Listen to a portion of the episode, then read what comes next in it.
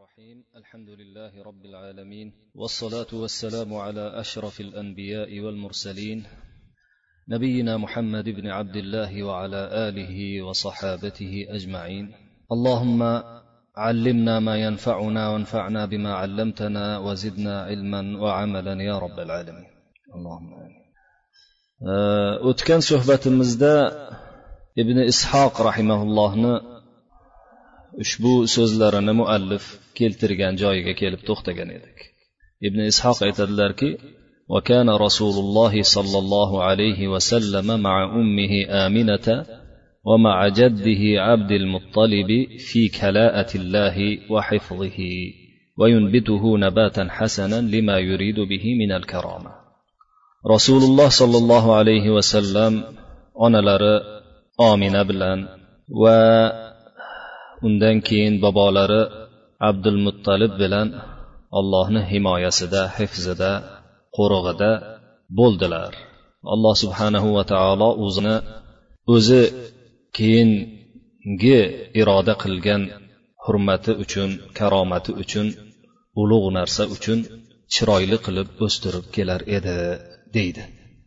Keyin yana o'tgan suhbatimizda simol to'g'risida biroz gapirgan edik simol simalul yatama degan lafz to'g'risida. O'shanda bikasril musallasati degan joyni bil musallata ma'nosida tarjima qilib o'tib ketibman. O'sha bikasril musallasa ma'nosida bo'ladi. Bil musallasa degan ma'nosini aytsak simol sumol samol qilib aytish o'qish durust bo'ladi degani bo'lib qoladi. Bikasril musallasa bo'lsa musallasa degandan murod o'sha sa harfi uchida tepasida uchta nuqta bo'lganligi uchun uchtalik deb ataladi bu harf. O'sha uchtalikni kasra qilib o'qish bilan bo'ladi degan ma'no chiqadi.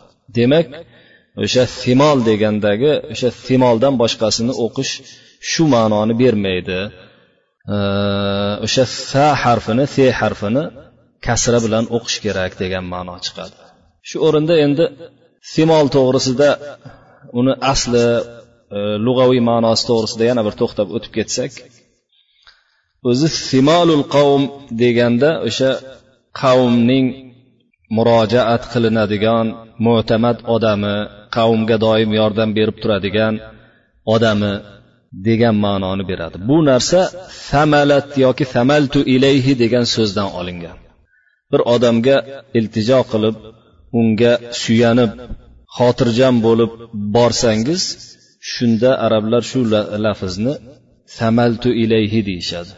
Samiltu degan ma'nodagi emas samila yasmaludan u mast bo'lish ma'nosi chiqadi. Shuning uchun samila yasmalu rajulun samilun deyiladi.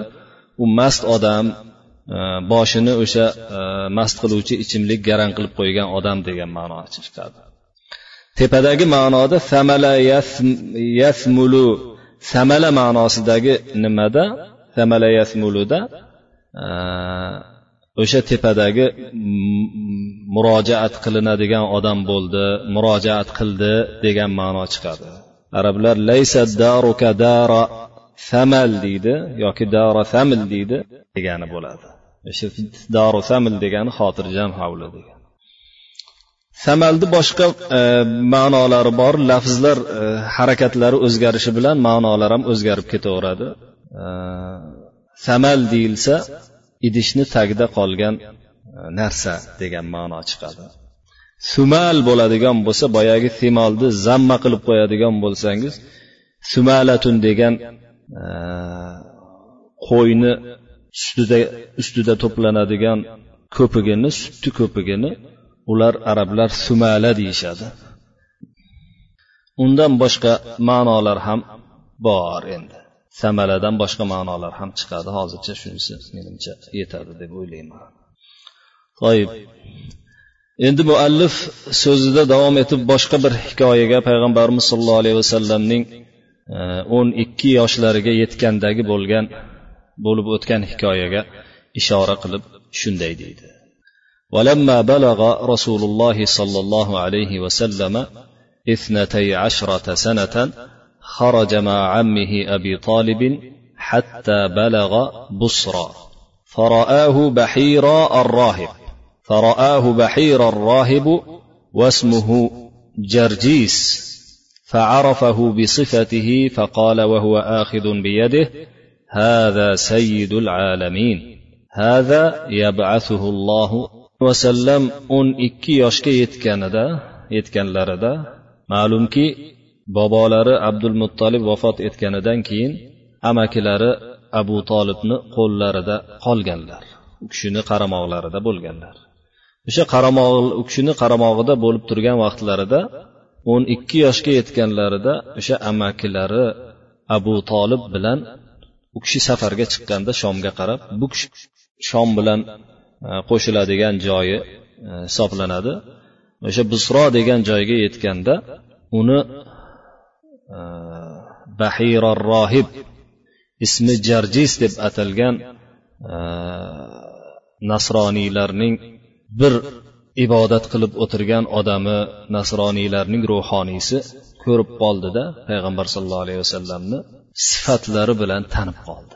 Kelib qo'lidan ushlab aytdiki bu kishi butun olamlarning e, sayidi bo'larkanlar olloh butun olamlar uchun rahmat qilib yuboriladigan kishi mana shu kishi deb ushlab oldi o'n ikki yashar bolani shunda abu tolib aytdiki buni qayerdan bilasan seni bilishing qanday buni deb so'radi فقال إنكم حين أشرفتم من العقبة لم يبق حجر ولا شجر إلا سجد ولا تسجد إلا لنبي dedi shunda aytdiki sizlar dedi mana bu tepalikdan tushib kelayotganlaringizda biron bir tosh ham daraxt ham qolmasdan unga sajda qildi engashdi dedi واني اعرفه بخاتم النبوه في اسفل من غضروف كتفه مثل التفاحه وانا نجده في كتبنا dedi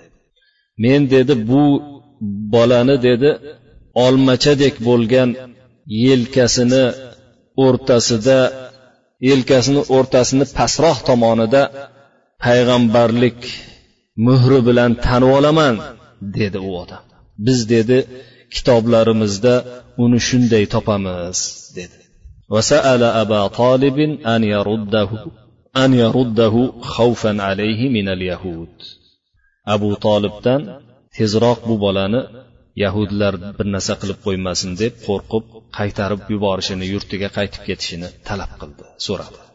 Deb hadisni shu qismigacha muallif keltiradi. Bu hadisni imom termiziy o'zlarini jomiyalarida keltiradilar. Shu endi jomiyalarida keltirgan hadisni biz hozir shu yerda aytib o'tib ketishimiz sal ma'qulroq bo'ladi. Imom termiziy o'zlarini san'atlari bilan aytadilarki abu tolib endi arabcha lafzini aytib o'tirmaymiz. Vaqt ketib qolishi mumkin.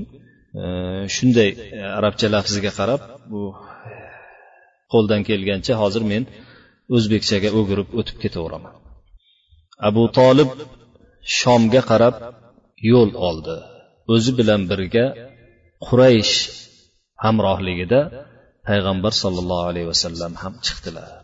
O'sha ruhoniyga yaqinlashib qolganlarida tepalikdan tushib keldilarda o'zlarini e, karvonlarini cho'ktirdilar. O'sha har doim o'tganlarida uni oldidan o'tib o'sha yerda to'xtab o'tardilar. To'xtab o'tardilar shunda bularga u ruhoniy qayrilib ham qaramas o'zini ibodatxonasidan chiqmas edi. Chiqib keldi bular hayron bo'lib turishgan edi. Ular o'zlarini kar- karvonlarini endi cho'ktirishayotgan paytda tuyalarini cho'ktirishib karvonlarinidagi yuklarni olib o'tirishga shaylanayotgan vaqtda ruhoniy haligi rohib ularni orasini yorib kela boshladida kelib payg'ambar sollallohu alayhi vasallamning o'n ikki yoshli bolani biz tarjima qilib o'tgan so'zni aytdi. Bu olamlarning sayyidi bu olamlarning rabbisining payg'ambari ularga rahmat qilib yuboradi hali dedi. Shunda unga qurayshlardan hozir bo'lgan zodagonlaridan biri aytdiki qayerdan bilasan? Shunda u javob berdiki sizlar tepalikdan tushib kelganlaringda daraxt ham tosh ham qolmasdan sajdaga bosh egishdi sajda qilishdi. Daraxt bilan tosh payg'ambardan o'zgaga sajda qilmaydi hech qachon. Barlik muhri bilan ham taniyman deb yuqoridagi muhrni sifatini keltirdi. Keyin ibodatxonasiga qaytib kirdida ularni mehmon qildi. Ularga taom qilib berdi. Taomni keltirganda payg'ambar sollallohu alayhi vasallam yosh bola bo'lganliklari uchun tuyaga qarab turgan edilar. Taomga hozir bo'lmasdi. Shunda unga odam jo'natinglar kelsin dedi. Payg'ambar sollallohu alayhi vasallam keldilar kelayotganlarida tepalarida bir tepalarida bir bulut u kishiga soya bergan holda keldilar. Qavmga yaqinlashganlarida ular daraxtni soyasiga hammalari o'tirishgan ekan bu kishiga soya qolmagan payt ekan. Chekkada soyani chekkasiga kelib daraxtni soyasini chekkasiga kelib o'tirganlarida daraxt soyasi bu kishiga tomon engashganini ham ko'rdilar. Shunda haligi rohib hayratdan nima qilib yubordiki? Daraxtni soyasiga qaranglar moyil bo'lganiga dedi.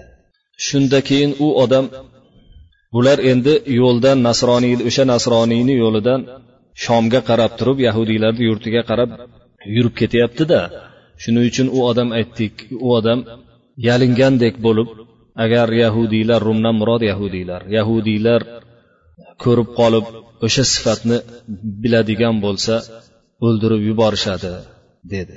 Deb shuni aytib turgan paytda qarasa rum tarafdan kelgan yetti kishi turgan ekan. Yetti kishini ko'rdi yahudiylar. Ko'rib uzoqdan ko'rdida ularga qarab turib yurib bu hali arablarni bular ko'rmasdan ularga o'zi rohib o'sha tarafga qarab yurib ularni istiqboliga chiqdida sizlarga nima kerak nima uchun bu yerga kelyapsizlar deb so'radi. Shunda ular aytdiki biz ushbu oyda bir payg'ambar yo'lga chiqishini kitoblarimizda o'qiganmiz. Biron bir yo'l qolmadiki odam jo'natgan bo'lmasak. Shunda bizga ham xabari yetdida seni yo'lingga sen tomondagi yo'lga biz ham jo'natildik dedi. Shunda u odam so'radiki hal xalfakum ahadun huwa xayrun minkum? Orqalaringda yana sizlardan ko'ra yaxshiroq biron kishi bormi deb so'radi. Shunda ular aytdiki yo'q bu yo'lga faqat bizni tanlashdi. O'sha siz bu yerda bo'lganligingiz uchun sizni hurmatingiz bu yo'lingizga bizni qo'yishdi dedi. Keyin ularga qarab turib rohib aytdiki menga xabar beringlarchi agar alloh taolo bir ishni bo'l deyishini amr qilib qo'ygan bo'lsa. Biron kishi odamlardan biron kishi o'sha bo'l degan narsasini ollohni bo'l degan narsasini qaytara oladimi? deb so'radi. Shunda yahudiylar ham allohga ishonadigan odamlar yo'q deyishdi. Da bu odamni gapiga ko'nib o'sha yerda o'tirishdi. Shunda ularga qarab turib u odam aytdiki shunda ular u kishiga qarab turib u bay'at qilishib biz endi bu bu payg'ambarga zarar bermaymiz deb o'tirishdi. Shunda abu haligi bahiror rohib arablarga qarab turib qaysingiz ollohdan o'rtaga qo'yib so'rayman bu bolani valisi kim hozir bu bolaga qarab turgan odam? deb so'radi. Shunda abu tolibni ko'rsatishdi. Abu tolibga o'shandan boshlab iltimos qila boshladi. Iltimos qila boshladi toki abu tolib uni qaytarib yubordi. Ya'ni bir kishi bilan qaytarib yubordi. Bu hadisni imom termiziy rivoyat qilib oxirida aytadiki bu hadis hasan hadis lekin g'arib hadis. Bu hadisni bu yo'ldangina bilamiz boshqa yo'ldan bilmaymiz deydi. Bu hadis to'g'risida ulamolarni ko'p gaplari bor. Ayniqsa o'sha oxirida rohib iltimos qilavergandan keyin abu bakr o'zi e, abu bakr ham o'sha nimani ichida bo'ladi. Abu bakrga qo'shib abu bakr bilolni ham jo'natdi degan lafzni ulamolar juda qattiq tanqid qiladilar. Boshqa joylarini e, ko'p rivoyat bo'lganligidan boshqa joylarini e, rivoyati to'g'riyu lekin oxirida kelgan mana shu rivoyati abu bakr unga qo'shib bilolni ham jo'natdi degan gapni munkar noto'g'ri gap ekanligini aytadilar. Chunki payg'ambar sollallohu alayhi vasallam o'n ikki yoshda bo'lganida abu bakr roziyallohu anhu kishidan uch yosh kichik to'qqiz yashar bola edi bilol esa juda kichik edi. Shuning uchun bu qo'shimcha noto'g'ri qo'shimcha xato qo'shimcha ekanligini aytadilar. Lekin umumiy ma'nodagi rohibni to'g'ri kelib qolganligi toshlar nimalar salom berganligi bu kishi payg'ambarlik bo'lganlaridan ham bo'lmaslaridan oldin ham juda ko'p joylarda sobit bo'lganligidan bu narsa voqeani bo'lganligiga ulamolar e, ittifoq qilishadi. O'sha safarga borib qaytganliklariga ham. Lekin mana shu yerdagi qo'shimcha o'sha noto'g'ri qo'shimcha ekanligini aytadilar. Bu hadisni muallif so'zida davom etib aytadiki bu hadisni ibn abi shayba ham o'zlarini ibn abi shayba ham rivoyat qilganlar deydi darhaqiqat ibn abi shayba o'zlarini musannaflarida rivoyat qilgan buni وفيه أنه أقبل عليه الصلاة والسلام وعليه غمامة تظله tepada payg'ambar sollallohu alayhi vasallamning ularni oldiga kelganida bir bulut u kishiniga soya berib kelganligini u kishi ham rivoyat qilganligini aytadilar. Keyin muallif aytadiki ثم خرج صلى الله عليه وسلم مرة أخرى ثم خرج صلى الله عليه وسلم مرة أخرى ومعه ميسرة غلام خديجة في تجارة لها حتى بلغ سوق بصرى وله إذ ذاك خمس وعشرون سنة فنزل تحت ظل شجرة فقال نسطور الراهب ما نزل تحت هذه الشجرة إلا نبي. وكان ميسرة يرى في الهاجرة ملكين يظلانه من الشمس. فلما رجعوا إلى مكة ساعة الظهيرة وخديجة في علية لها رأت رسول الله صلى الله عليه وسلم وهو على بعيره وملكان يظلانه ذكر طيب keyin deydi muallif payg'ambar sollallohu alayhi vasallam yana bir marta safarga chiqdilar o'zlari bilan birga hadijani quli hadijani g'ulomi maysara degan yigit birga maysara degan odam birga bo'lgan holda o'sha hadijani tijoratini e, hadija roziyallohu anhoni o'sha paytda u kishi hali e, payg'ambar sallallohu alayhi vasallamga zavja bo'lmagan paytlari edi. E, beva boy badavlat beva ayol edilar o'sha kishini tijoratlarida tijoratlarini e, sotish uchun bunda oldi sotdi qilish uchun bozor nimaga safarga chiqdilar. To o'sha busro shahrining bozoriga yetib bordilar. O'sha vaqtda u kishining yoshlari yigirma beshda edi. Daraxt tagiga tushib dam oldilar. Shunda rohib nistur degan rohib aytdiki bu daraxtni tagida payg'ambardan boshqa hech kim tushmagan dedi. Maysara ham qoq tushda u kishini ikkita farishtaning quyoshdan to'sib soya berib turganini ko'rar edi makkaga chiqqanlarida e, makkaga qaytganlarida peshin mahali edi. Hadija o'zining yuqori bir baland joyida shaharni tomosha qilib turardi. Payg'ambar sallallohu alayhi vasallamni uzoqdan o'zini tuyasini ustida tepada ikkita farishta soya qilib kelayotganini ko'rib qoldilar. Degan rivoyatni abu nuaym keltirgan deydilar muallif. Darhaqiqat abu nuaym daloil kitoblarida ibn saad ham o'zini tabaqotlarida keltirgan lekin bu hadisni sanadi ancha zaif hisoblanadi. Bu kishini alloh subhanava taoloni e, katta bir payg'ambarlikka tayyorgarlik qilib tayyor tayyorlab payg'ambar bo'lishdan oldingi mo'jizalardan oldingi irhosot deb ataladi. O'sha irhosotlarni berganligiga hammamizni iymonimiz bor.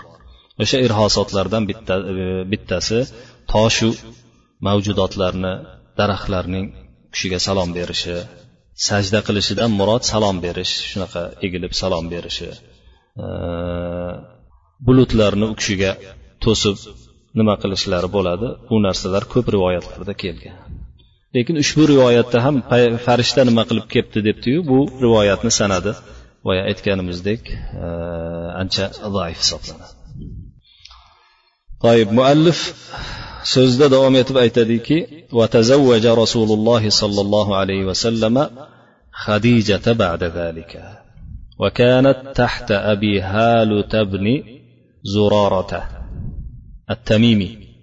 ثم تزوجها عتيق بن عائذ المخزومي فولدت له هندا. وكان لها حين تزويجها برسول الله صلى الله عليه وسلم من العمر أربعون سنة فولدت لرسول الله صلى الله عليه وسلم بنين وبنات وكل ولده من خديجة حاشا إبراهيم فإنه من مارية القبطية طيب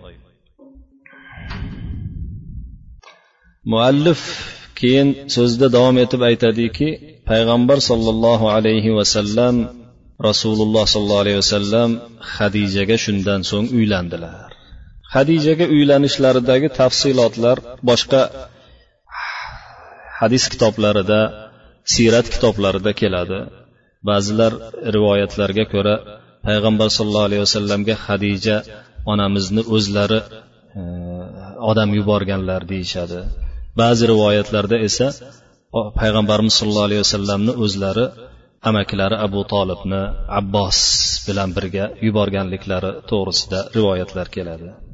Qanday bo'lganda ham payg'ambar sollallohu alayhi vasallam hadija onamizga shundan so'ng uylandilar. Hadija onamiz beva bo'lishlariga qaramasdan qurayshni eng oliy maqom kishilaridan biri bo'lib barcha kishilar bu kishiga bilan hayotni birga qurishga orzu qilib turgan paytlari edi.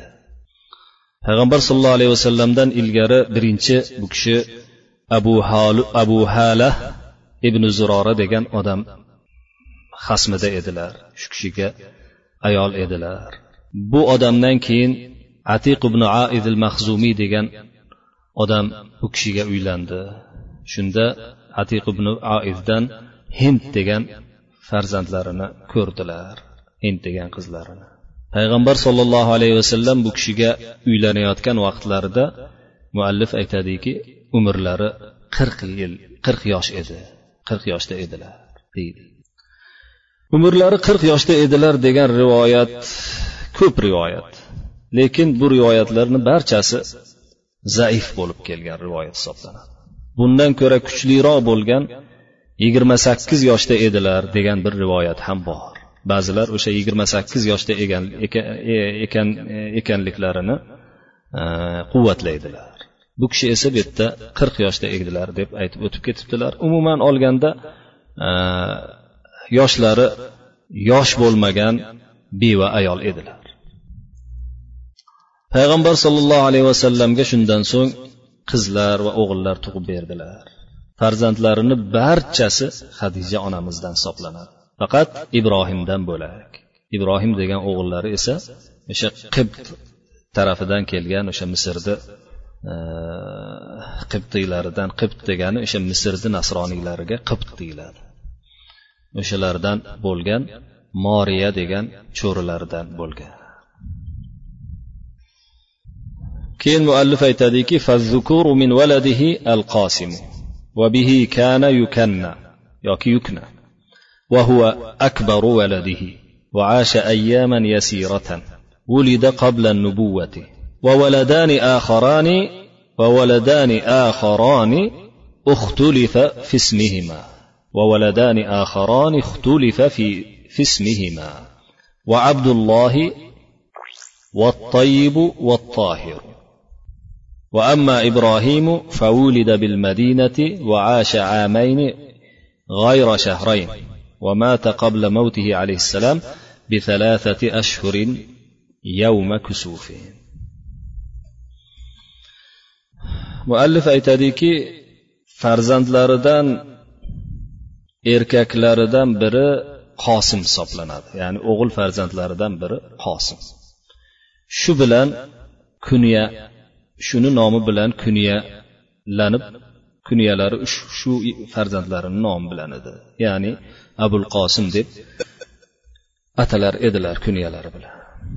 Farzandlarini eng kattasi shu kishi bo'ladi. Lekin bu kishi bir necha kungina yashagan xolos chaqaloqligida o'lib ketgan. Payg'ambar bo'lishlaridan oldin tug'ilgan edi. Yana ikkita o'g'il farzand ko'rganlar. Bularni ismida ixtilof qilingan.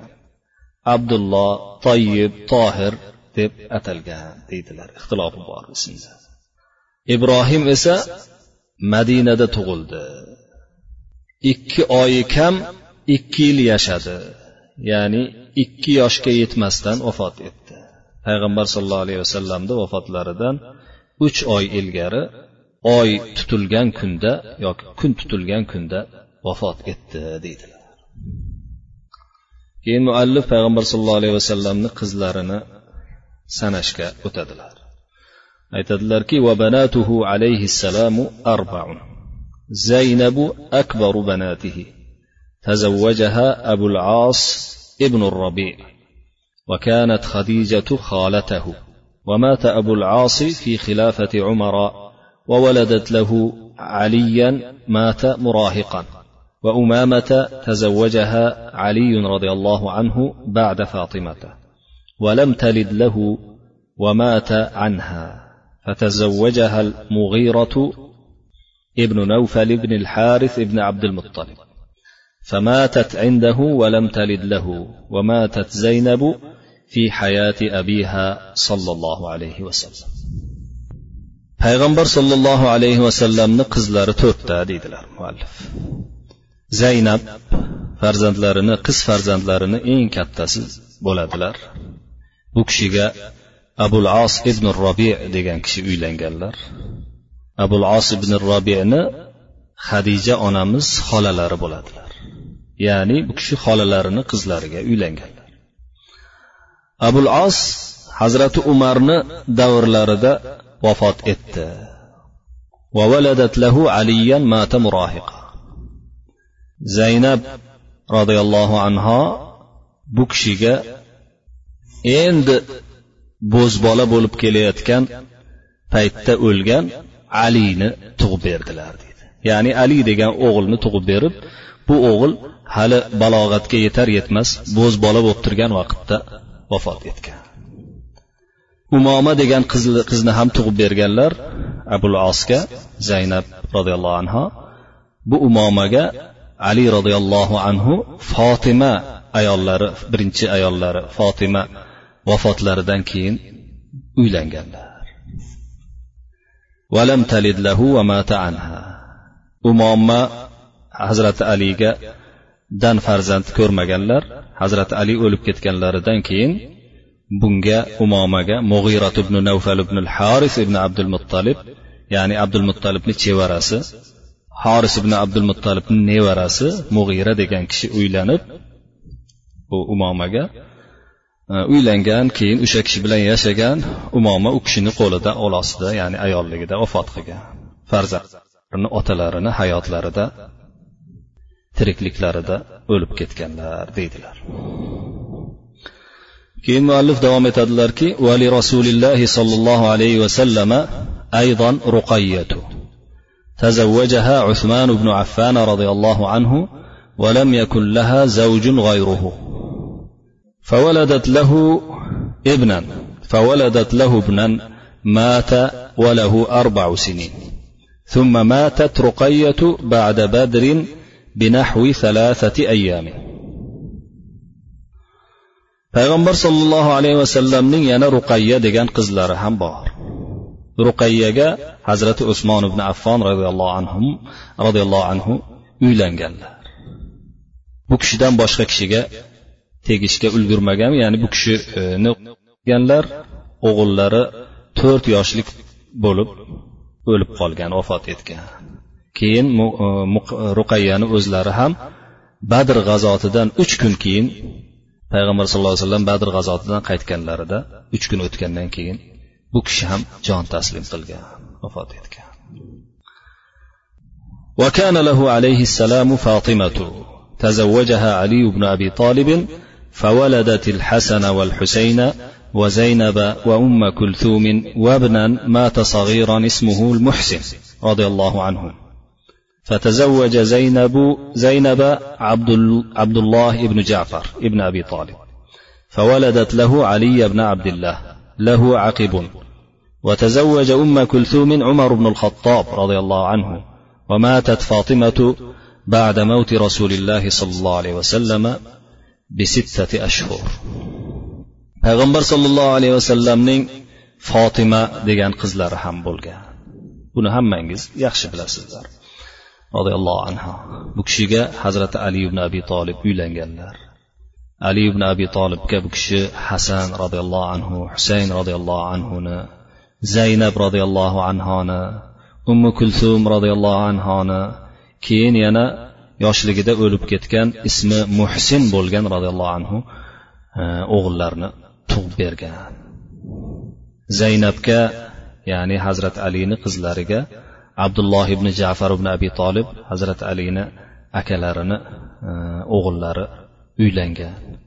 Bu kishiga e, zaynab ali ibn abdullohni tug'ib berganlar. Bu ali ibn abdullohni zurriyotlari bor. Ummu kulsumga esa hazrati umar ibn xattob roziyallohu anhu uylanganlar. Fotima roziyallohu anhu payg'ambar sallallohu alayhi vasallamni o'limlaridan keyin vafotlaridan keyin olti oydan keyin vafot qilganlar. وكان لرسول الله صلى الله عليه وسلم أم كلثوم أيضا وهي أصغر بناته وكانت مملكة بعتبة بن أبي لهب فلم يدخل بها وطلقها فتزوجها عثمان بن عفان رضي الله عنه فماتت عنده في حياة رسول الله صلى الله عليه وسلم ولم تلد له. payg'ambar sallallohu alayhi vasallamning ummi kulsum deb atalgan qizlari ham bo'lganlar bu kishi qizlarini eng kichkinasi hisoblanadi. Bu ummu kulsum roziyallohu anho qo'yilgan edi. Lekin nikohdan ilgari e, e unashtirib qo'yilgan edi nikoh qilinib uyiga olib kelish duxul bo'lishidan ilgari ya'ni yaqinlashishdan oldin talog'ini berib yuborgan. Shunda hazrati usmon ibn affon roziyallohu anhu bunga uylanganlar. Kishi kishini payg'ambar sallallohu alayhi vasallamni hayotlarida tirikliklarida bu kishi ham vafot etib ketganlar valam talidlahu bu kishiga hech narsa ya'ni e, tug'ib bermagan ya'ni farzandlik bo'lmaganlar وخديجة أول امرأة تزوجها وأمه وأمره جبريل أن يقرأ عليها السلام من ربها keyin muallif aytadilarki ayol hisoblanadilar. Ayollaridan birinchi bo'lib vafot etgan kishi ham hisoblanadilar. Bu kishini ustiga boshqa kishini vafot etgunlaricha hali uylanmaganlar. Ya'ni yakka shu ayollari bilan yashab o'tganlar vafotlarigacha. Jibril alayhissalom jabroil alayhissalom alloh subhanahu va taolodan bu kishiga salom aytishlikni salom o'qishlikni buyurib kelganlar. Ya'ni alloh subhanahu va taolodan tomonidan u kishiga salom o'qing salom ayting deganlar jibril alayhissalom. Deydilar muallif rahimaulloh keyin payg'ambar sollallohu alayhi vasallamning keyingi hayotlaridagi payg'ambarlikdan oldingi bo'lgan hayotlaridagi voqealarga o'tadilar. Biz shu yerga yetganimizda bugungi suhbatga yakun yasaymiz. Kelgusi suhbatimizda muallif kelib qolgan joydan boshlash umidida sizlar bilan xayrlashamiz. Va sallallohu vasallama va baraka ala nabiyina muhammadin va ala alihi va sahbihi ajmain.